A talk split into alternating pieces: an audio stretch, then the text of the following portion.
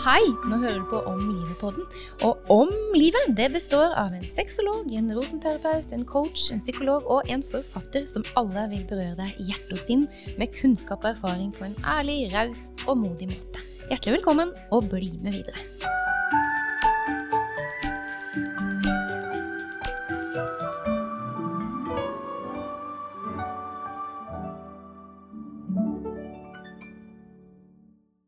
Og velkommen til Om livet-podden.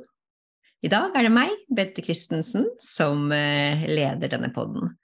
Og jeg er blant annet NLP-coach, mindfulness-instruktør og mentaltrener. Og i dag har jeg med meg en spennende gjest som heter Katrin Le Maréchal. Og jeg møtte Katrin første gang i 2010, da jeg tok en toårig coachutdanning, en NLP-utdanning. Og Katrin var gjesteforeleser og underviste oss om gruppecoaching. Og jeg syns Katrin var utrolig spennende og hyggelig og kunnskapsrik, så jeg har fulgt henne litt fra sidelinjen siden den gangen. Og plutselig så møttes veiene våre igjen. Da ble vi nylig begge partnere i TILT. TILT er et nettverk av hva pleier de å si, 17 kloke hoder, som bl.a. leverer tjenester til, og kurs til næringslivet. Så velkommen, Katrin, til Om livet-podden. Tusen takk, Bente. Så utrolig hyggelig å bli spurt, og veldig gøy at våre veier møtes igjen etter så mange år. Veldig gøy.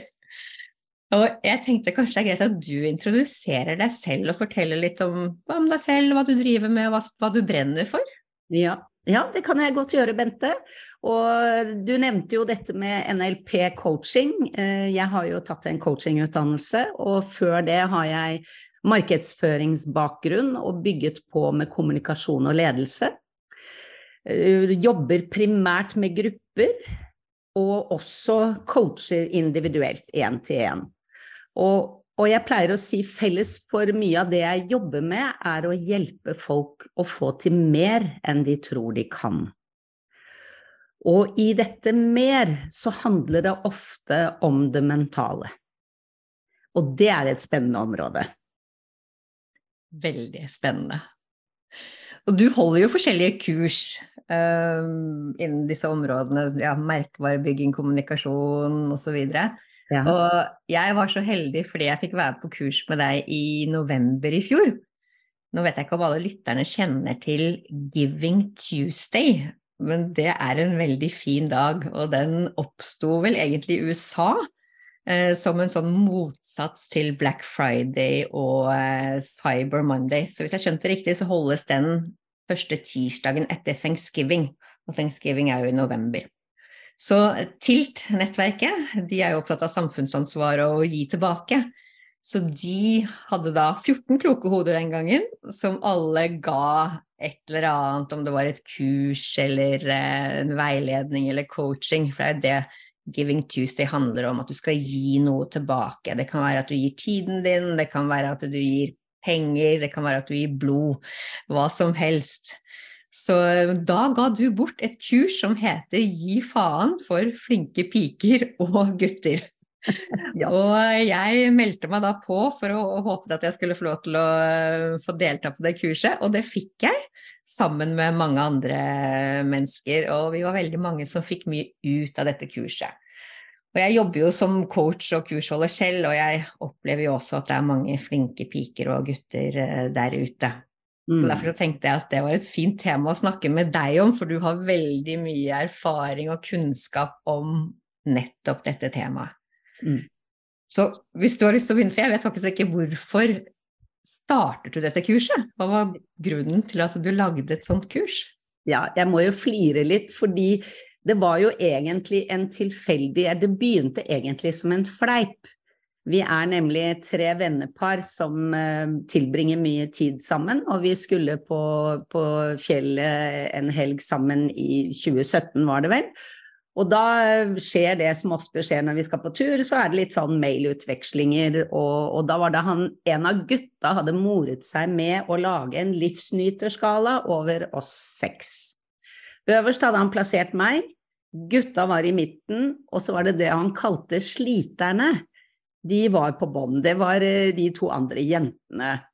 Og så fleipet vi litt med det da vi kom opp på fjellet, og, og jeg husker hun ene spurte ja, ble du litt fornærmet av å bli plassert øverst på skalaen, og jeg bare hæ, hva mener du? Det var jo et kompliment. Eh, men, men så tenkte jeg, reflekterte over dette med sliterne og liksom det er perfeksjonister, alt skal være tipp topp 100% og gjerne 150 Og da tenkte jeg, vet du hva, jeg må lage et kurs for sånne. Mm. alt behøver ikke å være perfekt. Ikke sant? Har du også laget et livsnyterkurs, eller? Ja, vet du hva, det må jo bli det neste. Takk for tipset. Det er eh, For jeg er faktisk ganske god på det. Ja, jeg òg. Kanskje vi skal lage et kurs sammen. Ja, det hadde vært gøy. Så, så, det som skjedde i forlengelsen av det, var at jeg tenkte ok, nå skal jeg lage en pilot.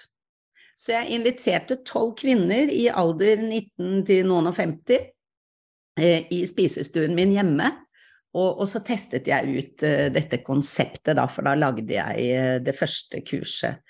Og, og, det som slo meg, var Vi tok jo presentasjonsrunden, og alle virket så trygge.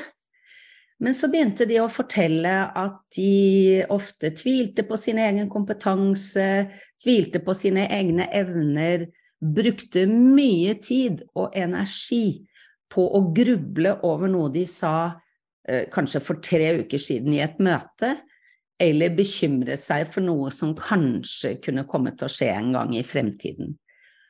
Og, og så slo det meg at det stjeler veldig mye energi, tid og fokus fra her og nå. Så, så vi, vi, hadde Dette kurset var vel tre ganger eh, to timer. Og så etter det har jeg finjustert det og holdt det mye for ingeniører i regi av Tekna. Og har også holdt det for advokater og revisorer, bransje hvor man typisk jobber veldig mye. Mm. Og, og, konsekvensen av å være og, og, og, det begynte jo egentlig bare for flinke piker, men vi fikk oftere og oftere spørsmål, særlig i Tekna-regi, da. Men hva med oss gutta?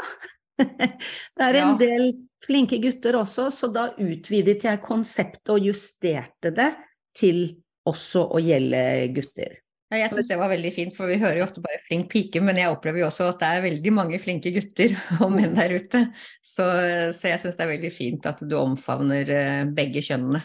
Ja, ja, og, og, og, det som er gjennomgående, da det, Jeg merker at stort sett alle jeg møter, eh, kjenner på følelsen. Tvilen.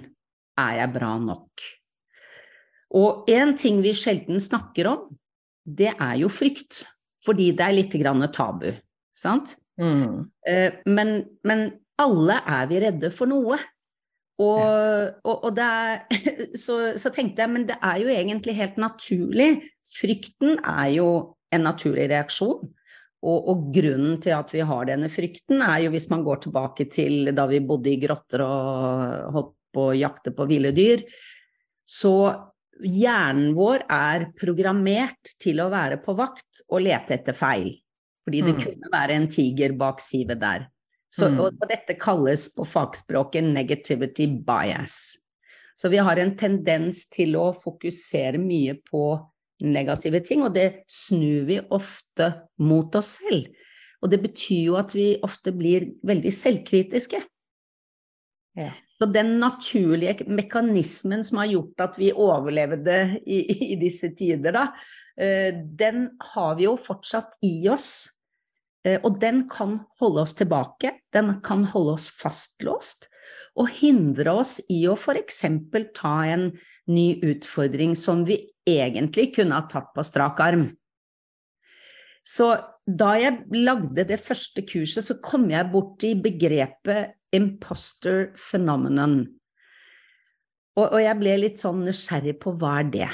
Uh, og så viser det seg at det er troen på at du har fått noe du ikke har gjort deg fortjent til, og at du kommer til å bli avslørt før eller senere. Ja, At du kommer til å bli gjennomskuet, at ikke du er god nok. Yes. Sånn, ja. Nettopp. Og jeg har kjent på den selv. ja, ja. Haven't we all? og, og, jeg husker jeg hadde en coachingkunde, hun var um, advokat, og hun hadde akkurat landet drømmejobben. Og så, etter at liksom gleden og euforien over å ha fått denne jobben la seg, så kom tvilen snikende inn. Mm. Og, og, da var det det, ja, men hva hvis de oppdager at jeg ikke er så bra som de trodde? Ikke sant? Og hun mistet nattesøvnen, og, og, og det som i utgangspunktet var en positiv ting, ble en belastning for henne. Så da måtte vi inn og jobbe litt med å omprogrammere et par ting der, da. Ja, ikke sant. Og jeg tror også at selv, selv, om man lykkes og gjør ting bra, så tror man, og man får ros fra andre, så tror man ofte ikke på det. Ikke sant? Fordi man er så selvkritisk. Ja, det er nettopp det.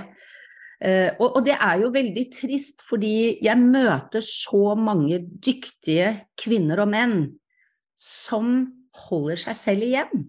Mm. Og, og, som hindrer seg selv i å faktisk både Eh, lykkes. Fordi det som skjer da når vi er ekstremt redde, så produserer jo kroppen adrenalin og kortisol. Altså det, det, er rett og slett en kjemisk reaksjon som skjer, som gjør oss dårligere i stand til å håndtere den situasjonen vi er i. Mm. Og, og, vi husker dårligere, vi, vi, tenker dårligere, vi tar dårligere valg. Mm. Eh, så, så, og, og, det er egentlig ganske enkelt å gjøre noe med når man vet hvilke teknikker man kan bruke for å snu en negativ trend, da. Ikke sant? Og det skal vi snakke mer om i dag, for vi er jo begge opptatt av å gi folk verktøy. Så, så vi skal gå gjennom noen gode verktøy i dag for, uh, for de som kjenner seg igjen i uh, dette flink pike, flink gutt-fenomenet. Ja. Så, men, men hva, hva, når du har kurs, hva er det du har fokus på før du kommer til verktøyene? Ja, eh, det jeg ofte gjør eh, jeg hadde bl.a. en IT-kunde, en av mine eldste kunder. Jeg har jo drevet eh, egen virksomhet i 17 år. Og en av mine eldste kunder er, de jobber med IT-sikkerhet. Og mm, deres programmerere skulle etter hvert nå begynne å snakke mer med kundene. Og, og de var litt mer introverte og syntes egentlig det var litt skummelt. Så jeg skjønte at vi måtte adressere dette med frykt. Og jeg spurte er det noen som har hørt om bedragerfenomenet. Ja ja, da var det en som rakk opp labben. Og han, eh, han hadde en doktorgrad i informasjonssikkerhet. Og alle rundt bare Hæ, du? The most brave guy in the company. Uh, og da han hadde delt det, så var det en annen som rakk opp hånden. Og han var en høyt respektert leder i systemet, i selskapet. Og, og det som var så fascinerende, det var å ta og føle på, for det gikk et lettelsessukk i rommet da de bød på sin sårbarhet Mm. Da de var ærlige på at ja da, dette kjente de på nesten daglig. Mm. Og, og for, for, for, oss alle, vi har det jo i mer eller mindre grad, og jeg kan jo trøste oss med at uh, Albert Einstein kjente på det samme. Han uh, har sagt at han uh, følte seg ubekvem med den oppmerksomheten han fikk for sitt arbeid. Han sa I, I feel like an involuntary swindler. Og det er sterke ord fra en briljant mann. Ja, ikke sant. Og, men det er noe som du sier når man sitter i en gruppe og, og, og, noen begynner å dele sårbarheten sin og frykten sin og er åpen og ærlig, så det er jo så godt å bare kjenne Oi, det er ikke bare meg, det gjelder jo veldig mange andre også. Ja. Og, og, det, og det, er, det er nesten rørende å se effekten Mm. For det er litt sånn som trollet du bringer frem i lyset, det har en tendens til å sprekke. Og jeg husker en av mine kursdeltakere fortalte på et oppfølgingskurs at hun hadde diskutert dette i avdelingen sin, og spurt et par av gutta som hun trodde aldri hadde vært i nærheten av dette. Og de innrømmet det, de også, og så ble det en veldig god diskusjon. Og det hun sa, var at stemningen i avdelingen ble en helt annen etter mm. at de hadde hatt dette som diskusjon. Ikke sant. Eh, og, og, hvis jeg skal si noe om typiske tegn da, på dette bedragerfenomenet, det er jo frykt, har vi jo snakket litt om. Mm. Eh, det å tvile på seg selv og sin egen kompetanse er veldig vanlig. Sammenligne seg hele tiden med alle andre. Og mange tror at alle andre vet så mye mer enn dem. Og i realiteten så er det helt feil. Du kan ha spisskompetanse på et område som andre ikke har noe peiling på. Uh, og du var inne på det, og det merker jeg veldig godt, har vanskelig for å ta til oss positive tilbakemeldinger. Jeg hører så ofte folk som avfeier det. Og, og hvis jeg f.eks. sa til deg, Bente, å, så fin genser du har, og du svarer eh, som veldig mange gjør, nei, det er bare noe gammel dritt jeg fant i skapet, mm. så, så, så, har du egentlig avfeid den personen og, og, sendt et signal om hva slags vurderingsevne har du? ja, godt poeng. Ikke sant? Så istedenfor å gracefully ta imot og si 'tusen takk, så hyggelig at du sier det', mm. Eh, så, så, den er en gjenganger. Og, og, så opplever jeg at mange ikke evner å glede seg over det de har fått til. Og selv om de, sånn som du også var inne på, har fått gode tilbakemeldinger. Det biter bare ikke på. Nei. Eh, og dette kan jo føre til stress og utbrenthet, og ofte så går det utover selvfølelse og selvtillit. Ja, for det var det jeg satt og tenkte på akkurat nå, at jeg skulle jo tro at det er mange som sliter med dette flink eh, pike, flink, flink gutt-fenomen. At, det, at det, det, skotter litt på selvfølelsen og eh, selvtilliten. Mm. Det er jo noen, noen, blander jo litt selvfølelse og selvtillit, det er jo to forskjellige ting. Jeg ja. pleier å tenke at uh, selvtilliten er mer det du gjør, at du har god selvtillit på at du er god til å mm. løpe eller lage kake eller et eller annet du presterer, men selvfølelsen er jo det å være, altså at du er glad i deg selv uansett da, om du presterer bra eller, eh, eller ikke. Ja, absolutt. Men jeg skulle tenke at det, de kanskje en del scorer litt lavt på disse to? Ja, absolutt. Og, og den viktigste egentlig å bygge opp er jo selvfølelsen. Fordi som du var inne på, noen kan ha selvtillit på enkelte områder, men veldig lavt på andre. Mens hvis du har en god bolk av selvfølelse, så tåler du nesten en hvilken som helst situasjon. Ja. Det er ikke så farlig om ikke du presterer godt så lenge du har den gode selvfølelsen i bånn. Nemlig. Og, og, og, det er så viktig fordi et av kjennetegnene eh, som jeg ser ofte, er at folk er redde for å gjøre feil. Og jeg glemmer aldri, jeg hørte et webinar med Gro Hammerseng Edin, eh, som jo var på håndballlandslaget, og hun fortalte at en av grunnene til at Marit Breivik valgte henne inn på håndballandslaget, var at hun så ut til å takle det å gjøre feil. Ja. Det var en av årsakene til at hun ble ansatt. er ikke det fantastisk? Og det som skjer da, er at hun, hun prøvde nye ting. Uh, og av og til snublet og fikk det ikke helt til med en gang, men hun hadde såpass mye selvfølelse at hun turte å prøve. Og uh, jeg får jo en assosiasjon til Carol Dweck som snakker om growth mindset, altså et vekstorientert tankesett. Da er du ikke så redd for å prøve noe nytt, vel vitende om at det kan gå gærent første gangen, men det mm. er noe med å akseptere hver gang vi gjør noe nytt, så er vi jo per definisjon utenfor komfortsonen. Mm. Vi er litt, jeg liker å bruke det bildet, vi er litt Bambi på isen. Ja, ikke sant? Og så er det noe med å faktisk tillate seg å være der, og prøve å justere. Eh, men mange opplever jeg blir mer drevet av frykten for å feile enn en forhåpning om å lykkes. Ja, ikke sant. Og jeg tenker, når, du sier det her, så tenker jeg jo på i forhold til eh, arbeidsplasser, hvor viktig det er med psykologisk trygghet. Sånn at mm. det faktisk er rom for at vi feiler, og at det er helt greit. Det er en del av læringen. Mm. Um, mm.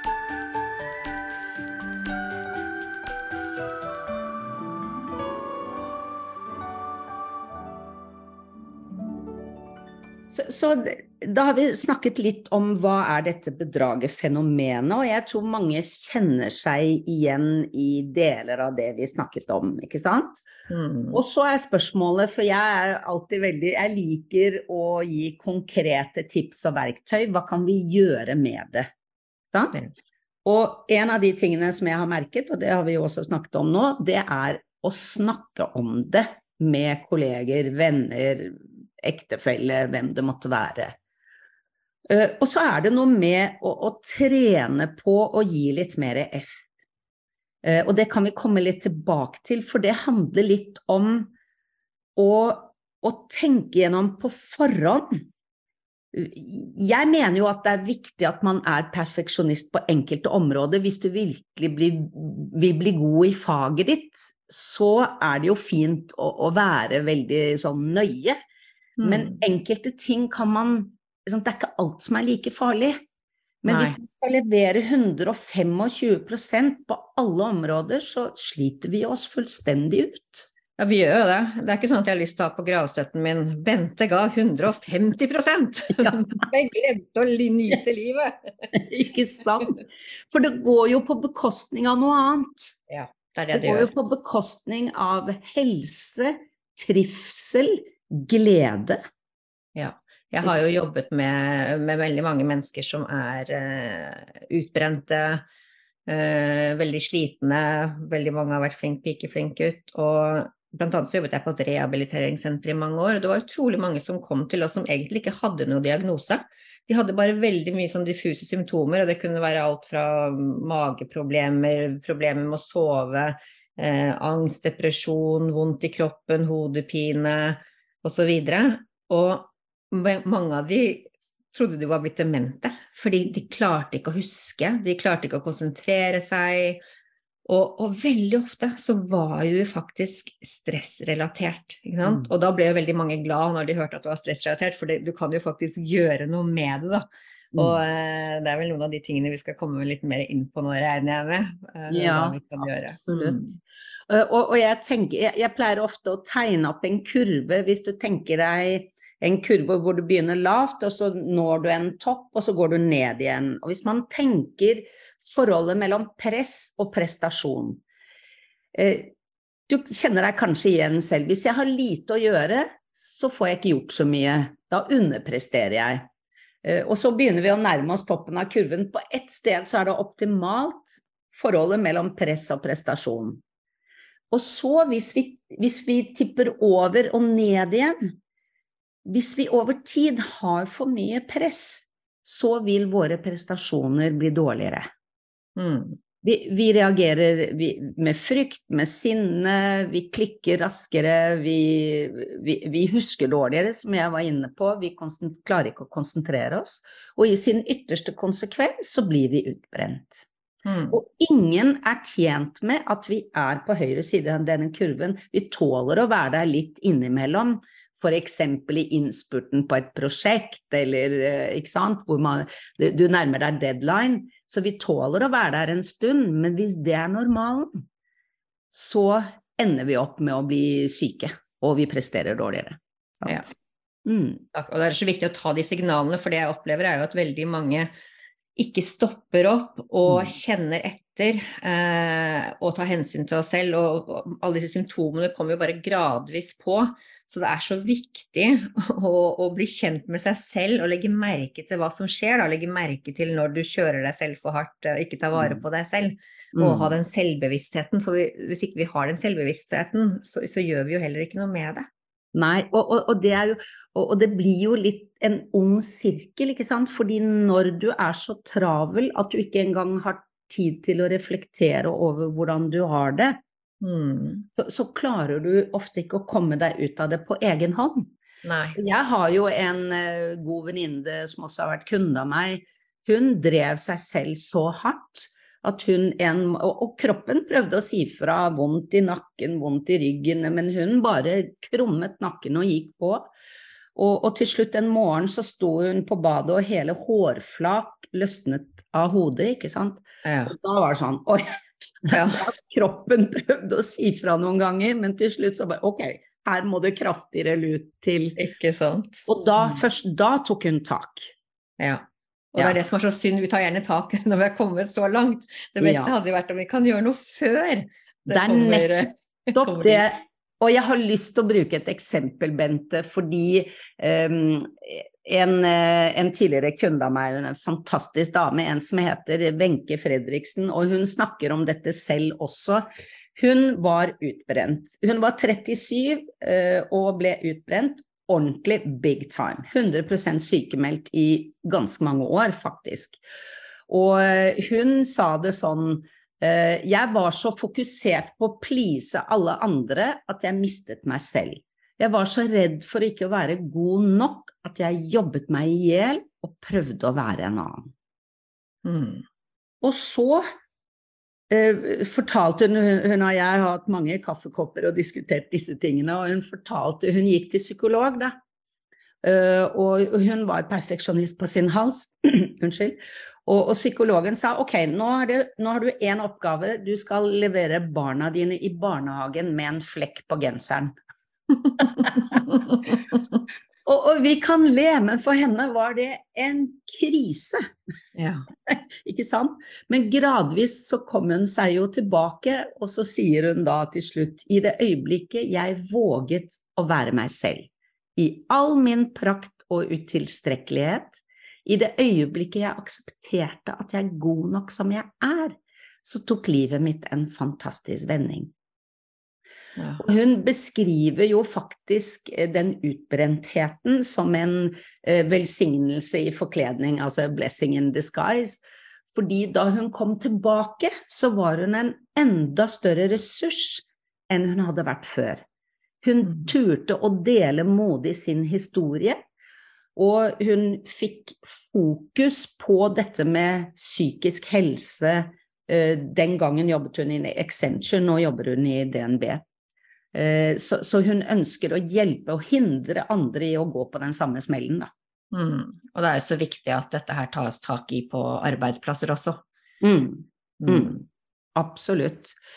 Så hvis vi skal si noe om eh, hva kan vi gjøre med dette, da? Ja, hva kan vi gjøre? Har du noen gode tips? Ja, jeg har, jeg har noen gode tips. Og, og faktisk um, det, det, er ikke noe rocket science, dette her. Det er uh, vanlig, sunn fornuft. Uh, men det første jeg pleier å si, er jo faktisk å, å, bruke pusten. Fordi det som skjer når vi blir stresset, det er at vi hyperventilerer. Vi puster bare her oppe, uh, og det, det er ikke bra for oss, rett og slett. Så det å faktisk eh, Jeg har eh, et begrep som heter to minutters pustespa. Ja, så herlig. Er ikke det herlig? Det hørtes ut.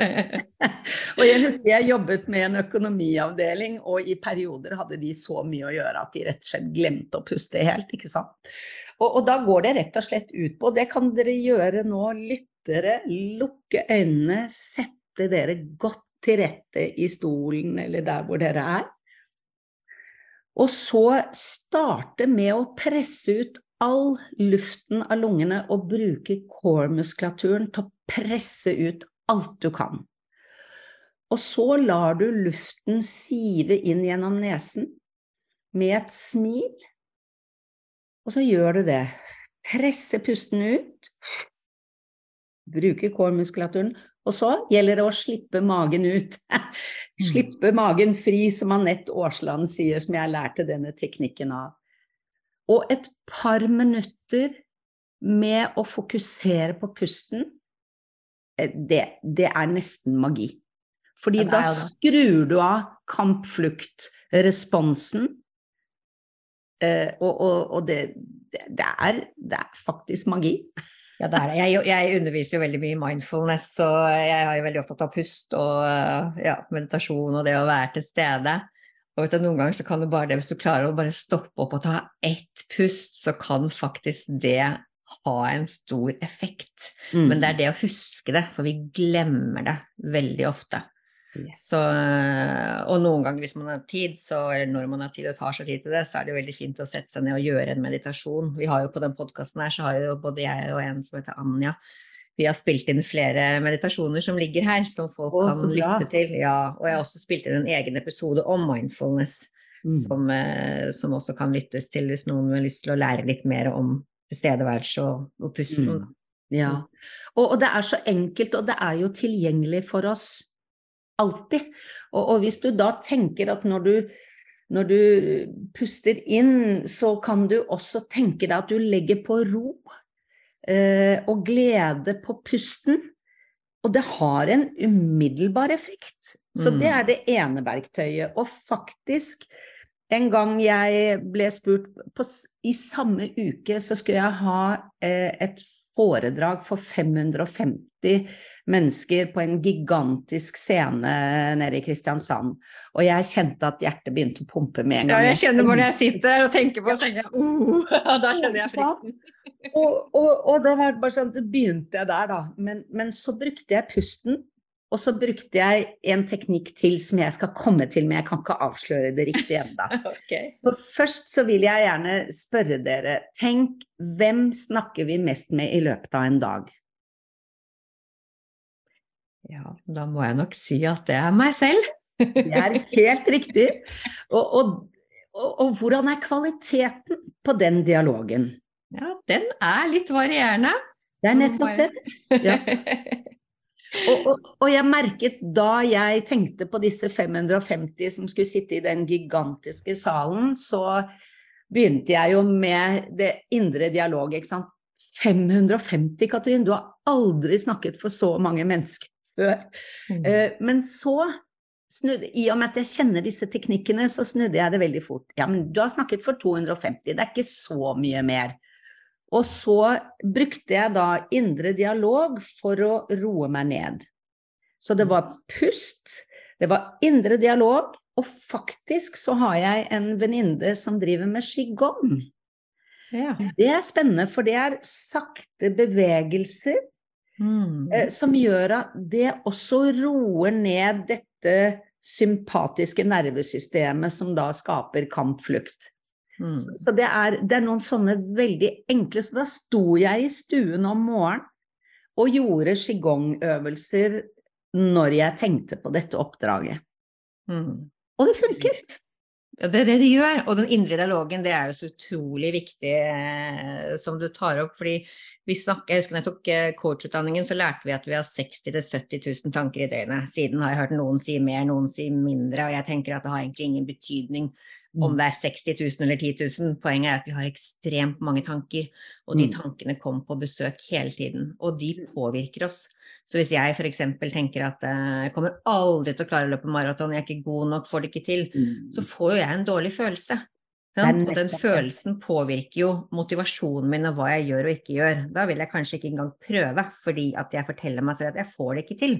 Mm. Kontra hvis jeg sier selvfølgelig kan jeg løpe maraton, det er det jo veldig mange mennesker som gjør hele tiden.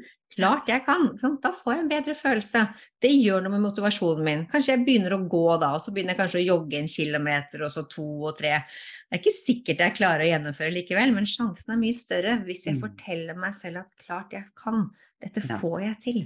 Ja. Altså, det er så viktig å bli bevisst på den indre dialogen, hva det er vi går og forteller oss selv, og hva vi tror om oss selv. Ja, og, og det som er litt skummelt, er at ofte så er man ikke bevisst Mm. på hva vi holder på med inni der.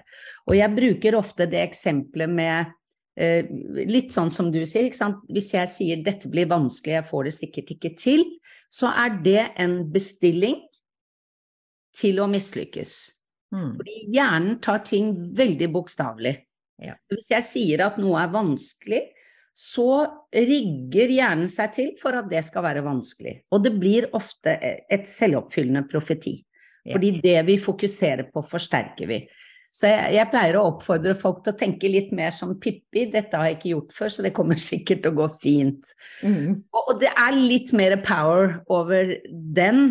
Og, og hvem har størst sjanse her for å lykkes? Ikke sant?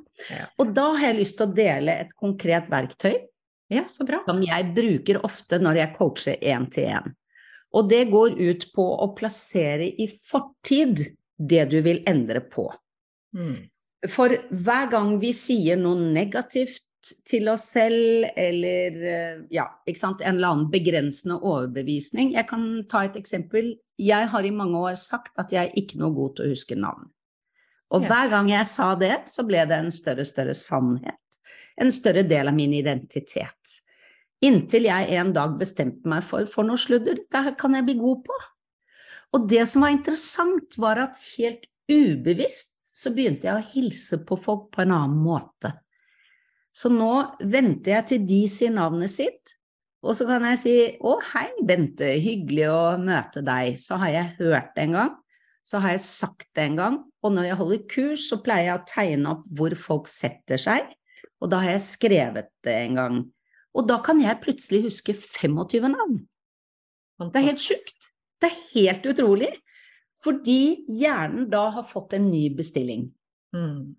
Så trikset da er å plassere i fortid det du vil bort fra. Så da reiser jeg meg opp og står ved siden av min eh, coachingkunde. Og så tar vi et steg tilbake, fysisk sammen. Eh, og så sier hun eller han da, før eh, var jeg eller sa jeg, tenkte jeg at jeg ikke var god til å presentere, f.eks. Plassere det i fortid. Og så distanserer du deg fra det ved å ta et fysisk skritt frem og si 'nå jobber jeg med å bli trygg'. Og hjernen kjøper ikke at du over natten, som ved et mirakel, er blitt trygg, men hjernen kjøper at du er i prosess. Mm. Ikke sant? Mm. Uh, og, og, det er nesten magisk, fordi vi har, jeg har lest et sted at vi har 86 milliarder hjerneceller oppi der. Og de det, det, er litt sånn Du har sikkert bestilt noe på nett. Sant? Så trykker du 'order now', det er akkurat det samme. Mm, ja. Mm. Bestiller et annet resultat. Da er det 86 hjerne, milliarder hjerneceller lock on target. Ja, og du har aldri fått se at jeg husker før så, så, så da jeg var vokst opp, så trodde vi at eh, du fikk liksom et visst antall hjerneceller, og du fikk aldri noe mer, og du var for sent å lære deg nye ting når du ble gammel. Men det er jo aldri for sent, ikke sant. Hjernen er ned, plastisk. Vi kan faktisk endre ut ifra hvordan vi bruker den. Så hvis vi har lyst til å bli gode på å huske navn, så kan vi faktisk trene oss selv til å gjøre det, eller til å mm. like å holde foredrag, bli en god danser osv.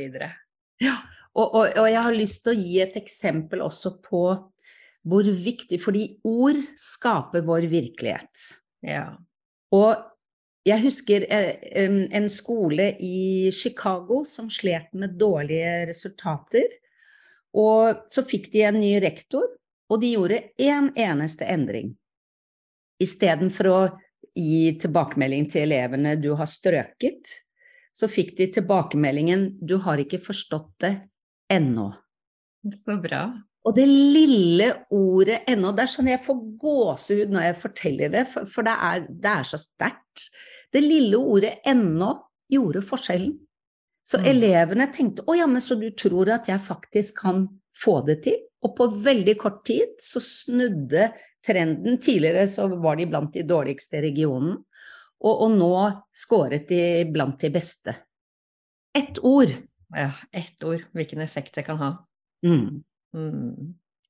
Og det er jo mye sånn burde, skulle, ikke sant. Å, jeg burde gjort det, og jeg skulle gjort det, og jeg må gjøre det. Ja. Hva gjør det med oss når vi sier ja. disse ordene? Og jeg, har, jeg, har luk, jeg, er så glad for at du sier det, Bente, fordi jeg har luket ut ordet 'burde' av mm. mitt vokabular. Mm. Og, jeg kan også gi et lite tips eh, til eh, dere lyttere. Eh, hvis jeg sier 'jeg burde skifte dekk', øh, jeg, jeg, mm. kjenner at jeg får ikke mye energi. Nei. Men hvis jeg sier det og legger på en fordel, mm. så vil jeg si 'jeg velger å skifte dekk nå', for da er jeg klar når snøen kommer'. Ikke sant. Ja. Og jeg husker jeg hadde coachingkurs for ungdom for mange år siden. Og da snakket vi om dette med språk og språkmønstre, og så spurte jeg dem hvis du tenker jeg må gjøre lekser, eller jeg burde gjøre lekser, får du noe energi av det? Nei. Og så utfordret jeg dem, så sa jeg nå har du to minutter, nå kan du skrive ned så mange fordeler som mulig ved å gjøre lekser med en gang du kommer hjem. Mm. Og da var det da får jeg god samvittighet. Eh, da slipper jeg mas fra mor og far. Mm, det gir mening. Um, da kan jeg gå ut og være med venner uh, raskere. Kanskje jeg får en god karakter, og kanskje jeg kommer inn på den skolen jeg vil. Og plutselig du, så fikk de litt farge i kinnene, og de fikk en annen kroppsholdning. Mm. Og, og, og, så gikk det et par dager, og så ringte en meget forundret mor til meg og sa jeg vet ikke hva du har gjort med Daniel, men han har begynt å gjøre lekser uoppfordret. Så det funker! ja, det gjør det. Ordene er veldig viktige, og også det å vite hvorfor. Sånn? Det er lettere å finne motivasjon ja. når vi vet hvorfor vi skal, uh, skal gjøre mm. noe. Da får vi ofte mer lyst til å gjøre det istedenfor at det er noe vi ja. må gjøre eller burde gjøre. Ikke sant. Det, det, påvirker oss faktisk.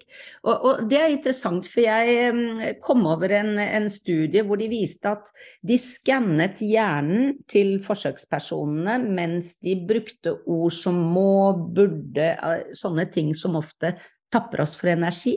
Da så man i skanneren at uh, hjernen produserer kortisol og, og adrenalin. Mens når man brukte andre typer ord, så produserer de andre kjemikalier som faktisk gjør oss bedre i stand til å håndtere situasjonen. Så det påvirker oss helt ned på cellenivå. Ja, det gjør det.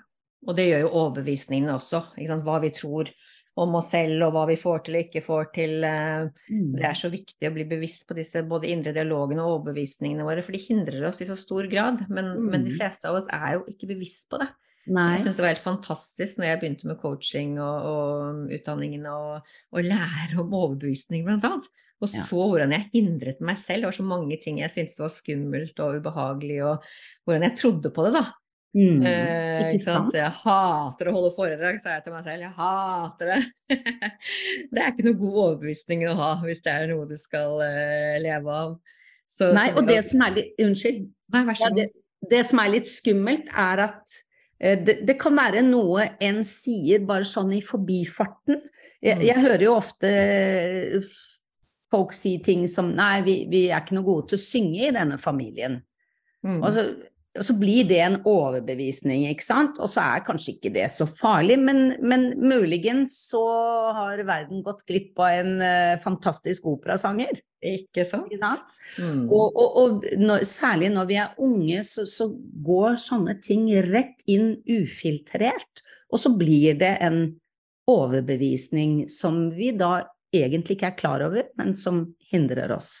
Ja. Så, så, dette med å være bevisst sin egen indre dialog, det er et kjempenyttig verktøy, rett og slett. Og med en gang du er liksom på den galeien Vet ikke om du noen gang har kjent at du har hatt en liten djevel som sitter på skulderen? Ja, ja, ja, mange ganger.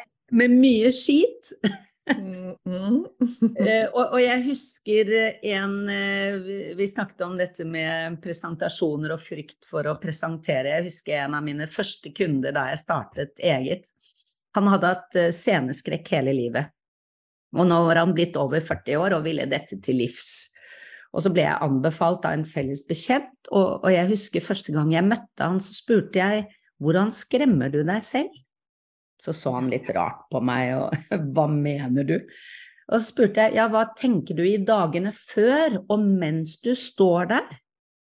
Så var han veldig ærlig og sa jo, jeg tenker eh, tenk om ikke de syns det er interessant det jeg forteller, tenk om de kjeder seg, eh, tenk om jeg glemmer noe, jeg må ikke rødme, det er jo som å trykke på rødmeknappen, ikke sant? Eh, og så han hadde den djevelen på skulderen som fòret han med masse skit, og da er det jo ikke plass til noe annet. Mm. Så det første vi gjorde, var å få vekk han lille djevelen og bruke to ting.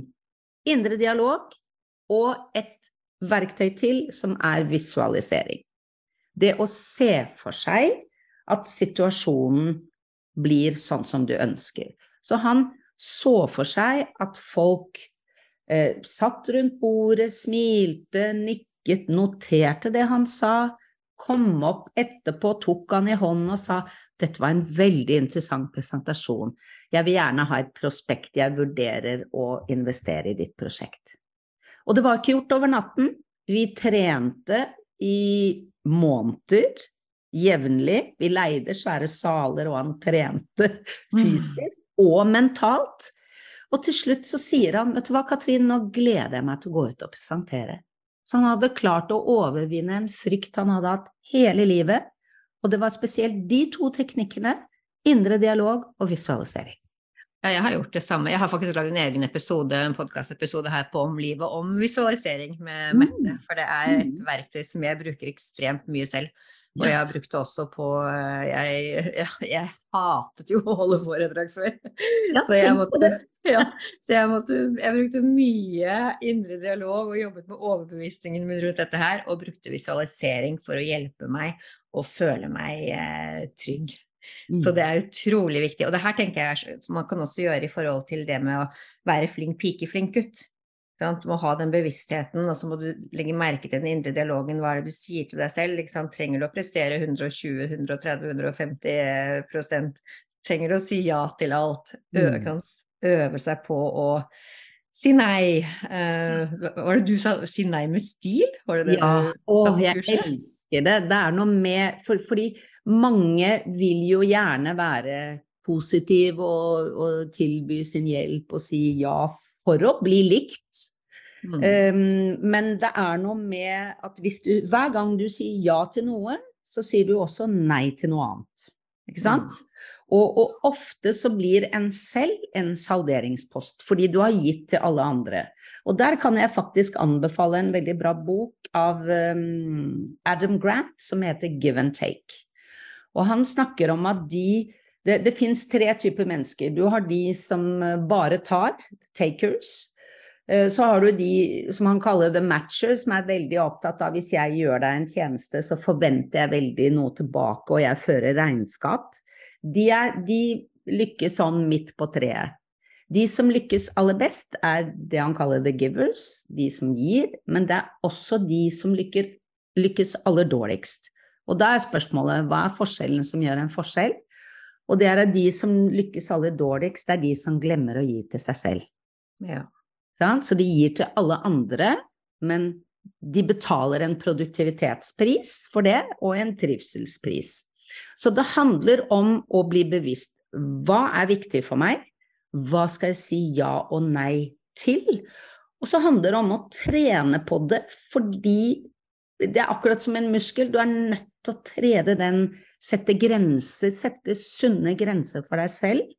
For hvis ikke så ender du opp uh, utbrent i andre enden. Og jeg har lyst til å fortelle en av de som var med på piloten i 2017. Hun hadde fått beskjed av lederen sin om å i tre måneder skulle hun kun levere 70% Hun var en typisk perfeksjonist. Uh, og, og, det oppsiktsvekkende var at etter de tre månedene så var det ingen som hadde lagt merke til forskjellen. så forskjellen mellom 125% og 70% det er mange timer spart, frigjort. Ikke sant. Ja. Det er jo fantastisk. Tenk på alt det hyggelige du kan gjøre med ja. de timene. Og, og, det er noe med det, det, er to ting som ofte går igjen. Vi har jo FOMO, har du kanskje vært borti, fear of missing out. Ikke sant? Mm. Jeg kjenner på den. Jeg har trent mye for å sånn, si nei til enkelte ting. Og så er det en, en, annen variant. Den heter FOPO. Vet du hva den betyr? Nei. Nei, det er fear of pissing someone off. Men, men, det som er så fascinerende, det er at uh, du får faktisk respekt hvis du setter grenser med stil. Og jeg husker for noen år siden, jeg tror det var i 2020, så hadde Harvard Business Review en egen, et egen utgave om work-life balance. Og der ga de masse tips til hvordan man kunne si nei med stil. Og det ene var å rett og slett være bevisst hva du vil si nei til. Tenke på forhånd. For da er du bedre rustet når du kommer inn i situasjonen. Og så er det være like bestemt som andre er pågående. Fordi noen ganger så er det noen som ikke gir seg, vet du. så det å gi seg selv tillatelse til, vet du hva, der setter jeg grensen. Og det siste er jo da å trene til det faller mer naturlig. Og i starten så vil du kanskje føle at du skuffer andre, at du ikke lever opp til deres forventninger, slik du alltid har gjort, eller øh, det du tror er forventningene, for det er jo ikke alltid det, ikke sant. Um, men du kommer fortsatt til å gjøre en god jobb, og du kommer fortsatt til å bli satt pris på. Men det er noe med å legge fra seg den identiteten om at man skal fikse alt. 125 mm. uh, og, og som sagt, jeg opplever at folk får respekt når de setter sunne grenser for seg selv. For det er det det handler om. Og jeg har lyst til å nevne en, en eh, kunde som hørte på et webinar. Det var da Gi faen-webinar for flinke piker og gutter. Og hun er prest, og jeg syns det var fantastisk at en prest meldte seg på Gi faen-kurs. Det var jo i seg selv morsomt. Uh, og jeg husker hun skrev, hun skrev, en melding til meg, og, jeg ble så egentlig fascinert og rørt av det hun skrev, for hun skrev Jeg har virkelig hatt god nytte av kurset, det var nesten litt sånn life changing. For nå tenker jeg mer at jeg kan si nei, jeg kan sette premissene. Og så ble jeg litt sånn uh, nysgjerrig på hva mente hun med å sette premissene, så jeg tok kontakt med henne uh, og tilbød henne en gratis coachingtime. Og så fortalte hun at som prest så er det ofte sånn du skal ha samtaler med pårørende i forbindelse med dåp, bryllup, begravelser og sånn. Og tidligere så hadde hun alltid spurt når passer for dere? Og da ble det jo kveldsjobbing og helgejobbing. Men da hun satt og hørte på det webinaret, så skjønte hun at ja, men jeg kan faktisk sette premissene. Så nå hadde hun begynt å si eh, passer det tirsdag eller torsdag mellom ti og to. og den ene lille forskjellen der, den gjorde susen. For hun skrev videre i den meldingen jeg satt med en klump i halsen og tårer i øynene, sliten og sykemeldt i 100% og tenkte at dette må jeg ta til meg. Bli mer tøff, si nei og slutte å være flink pike. Mm. Og hun avsluttet med nå begynner jeg å skynde meg sakte tilbake til jobb, og jeg merker at jeg jobber med å sette grenser og si nei. Så gikk det noen uker, og så fikk jeg en veldig hyggelig tekstmelding. Nå er jeg tilbake i 100 igjen, jeg har det veldig bra, men merker at jeg er tydelig på dette med grenser merker at jeg har det mye bedre. Ja, så bra. Det er noe å stå opp til om morgenen og jobbe med folk når du, når du vet at med små, små endringer så kan man få til utrolig gode resultater. Ja, og det er så sammensatt også dette her med, med flink pike, flink gutt. Så det kan jo ligge ting i fortiden vår, i barndommen vår, som kanskje må jobbes med og bearbeides for at vi skal uh, komme oss videre. Noen ganger er det godt å ha hjelp av om det er en psykolog eller en coach eller annen terapeut. Noen ting kan vi jo jobbe med på egen hånd også, bare med å få Kanskje bare lytte på podkasten her og få noen nye refleksjoner og tips som vi kan uh, ta tak i. Og jeg tenker noe som er viktig, er at vi tenker litt på ok, hvis jeg bare fortsetter sånn som jeg gjør her i dag, mm. hvis jeg ikke endrer på noen ting, hvordan blir livet mitt da? Ja, det er så sant. viktig å reflektere over. Og også finne ut av okay, hvis jeg har lyst til å gjøre noe, hva, hva skal jeg ta tak i?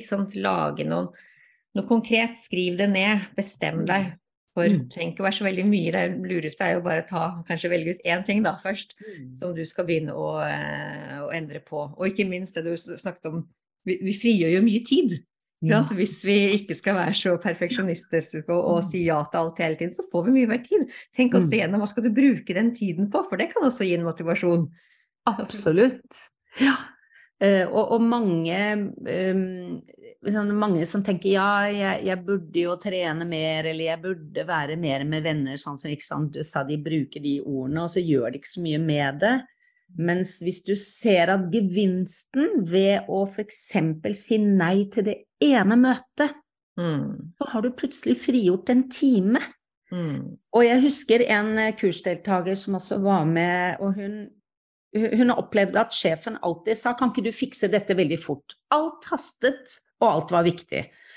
Og så tok hun mot til seg, for vi snakket en del om dette med tydelig kommunikasjon så tok hun mot til seg og be om et møte med lederen sin. Og så gjorde hun han oppmerksom på at han snakket på den måten. Kan ikke du fikse dette veldig fort? Og han var selv ikke klar over det, og han fikk en litt sånn aha-opplevelse. Mm. Og så satte de seg ned i fellesskap og ble enige om hva er det som haster, og hva kan vente. Så, så det at hun tok mot til seg og ikke aksepterte situasjonen lenger, men diskuterte det, gjorde at hun fikk en annen hverdag. Mm. Så, så små ting kan gjøre en stor forskjell. Det er akkurat det. Og det å, å, å ta litt bedre vare på seg selv, liksom tenke på hva kan du gjøre for å ta bedre vare på deg selv? Er det at du skal legge deg litt tidligere på kvelden? Er det at du skal kunne gå en tur, være sammen med en eh, god venninne eller venn? Mm. Altså gjøre ting regelmessig som er godt for deg. Som mm. du tar vare på deg selv og gir deg selv den omsorgen som du ofte gir til alle andre. Ja, ikke sant. Og faktisk så har pandemien Det er jo alltid noe positivt ved enhver situasjon. Pandemien har jo vist oss at vi faktisk kan midt på dagen trene, gå en tur, og at vi etterpå presterer mye bedre, for da har vi fått et avbrekk eh, som gjør godt, da. Mm, absolutt. Dette var veldig nyttig, Katrin. Er det noe Vi har jo, kan jo ikke holde på, kunne sikkert sitte der og snakket i veldig mange timer, du og jeg. Er det noe som du tenker at er viktig som vi ikke har fått med nå hittil? Jeg, jeg tror det viktigste er litt det du var inne på nå, dette med egenomsorg. Hva, hva kan jeg gjøre hver dag, hver uke, for å ta vare på meg selv? Fordi hvis ikke jeg, tar, hvis ikke jeg fungerer godt i, i, rollen meg selv, så har jeg heller ikke noe å gi som mor eller gründer eller foredragsholder eller hva det måtte være. Så, så, så det der med egenomsorg, vær grei med deg selv. Ta mm. vare på deg selv, for da har du så mye mer å gi til andre. Så litt sånn positiv egoisme, eller hva, hva man skal kalle det, men i hvert fall egenomsorg. Jeg liker det ordet. Mm. Og, og, og, det å tenke gjennom hva er det som gir meg glede, og gjøre mer av det. Mm. Med den tiden du får frigjort fordi du ikke er perfeksjonist på alle områder. ikke sant. Ikke si ja til absolutt alt og skal ta vare på absolutt alle andre. Og mm. ja, det, du får mye mer tid, og ikke minst så tenker jeg at du kommer til å få mye mer glede og hvis du klarer å være litt mer til stede i livet ditt. For ofte når vi er så perfeksjonistiske, så er vi ikke så mye til stede heller, for vi tenker hele tiden på alt vi burde ha gjort og skulle ha gjort og som vi ikke har gjort, og da mister vi litt av eh, det som skjer akkurat her mm. og nå. Så ja, det å være til stede, og det er et ord som jeg er blitt veldig glad i, og det er å dvele dvele, da er du i øyeblikket, og du, du, du, utvider det øyeblikket. Og det kan være så enkelt som å bare dvele over en deilig kopp te. Mm. Når jeg har gjort ferdig den presentasjonen, så skal jeg belønne meg selv ved å dvele, sette meg ut i hagen og dvele ved en god kopp te. Eh, det gir en lykkefølelse, og faktisk også det å være takknemlig. Ja. Det å skrive ned eller tenke på to-tre ting du er takknemlig for, det gjør Faktisk så viser det seg når man tar uh, ser på mikroskop Hvis man tar blod før og etter to minutters takknemlighet, så ser du at blodet flyter friere etter at man har tenkt på noe man er takknemlig for. Jeg har faktisk laget en egen takknemlighetsmeditasjon som ligger i denne poden her også. Jeg må høre på alt dette her! jeg er veldig opptatt av takknemlighet også. Det er, eh, det er, noe jeg praktiserer mye selv, og jeg ser at det gjør veldig mye godt for, uh, for egen del. Det å ha fokus på det som er bra, istedenfor å hele tiden lete etter det som ikke er bra i, uh, i livet. Ja. Og det her er så spennende. Ja, det er så mange ting vi kunne snakket om. Jeg vet at vi brenner for veldig mange av de samme tingene, så jeg tror vi må lage noen flere podkaster sammen. Kommer gjerne tilbake. ja, det er bra. Men du, til slutt, hvis noen eh, vil ha tak i deg og finne deg, hvor, eh, hvor finner de deg? Ja, da kan de gå inn f.eks. på websiden min, som heter tikato.no. Det er altså T-I-C-A-T-O no. Og der eh, finner de både e-post og telefonnummer, og jeg syns alltid det er spennende å snakke med folk, så hjertelig velkommen til å ta kontakt. Så bra. Og tusen takk for at du stilte opp eh, i dag som gjest. Og takk til deg som har lyttet på oss. Og hvis du tenker at denne episoden var nyttig, så del den gjerne med noen andre. Som de sier i USA, 'sharing is caring'. Jeg liker det ordtrykket. Apropos ord, ja. ja, ikke sant. Apropos ja. ord.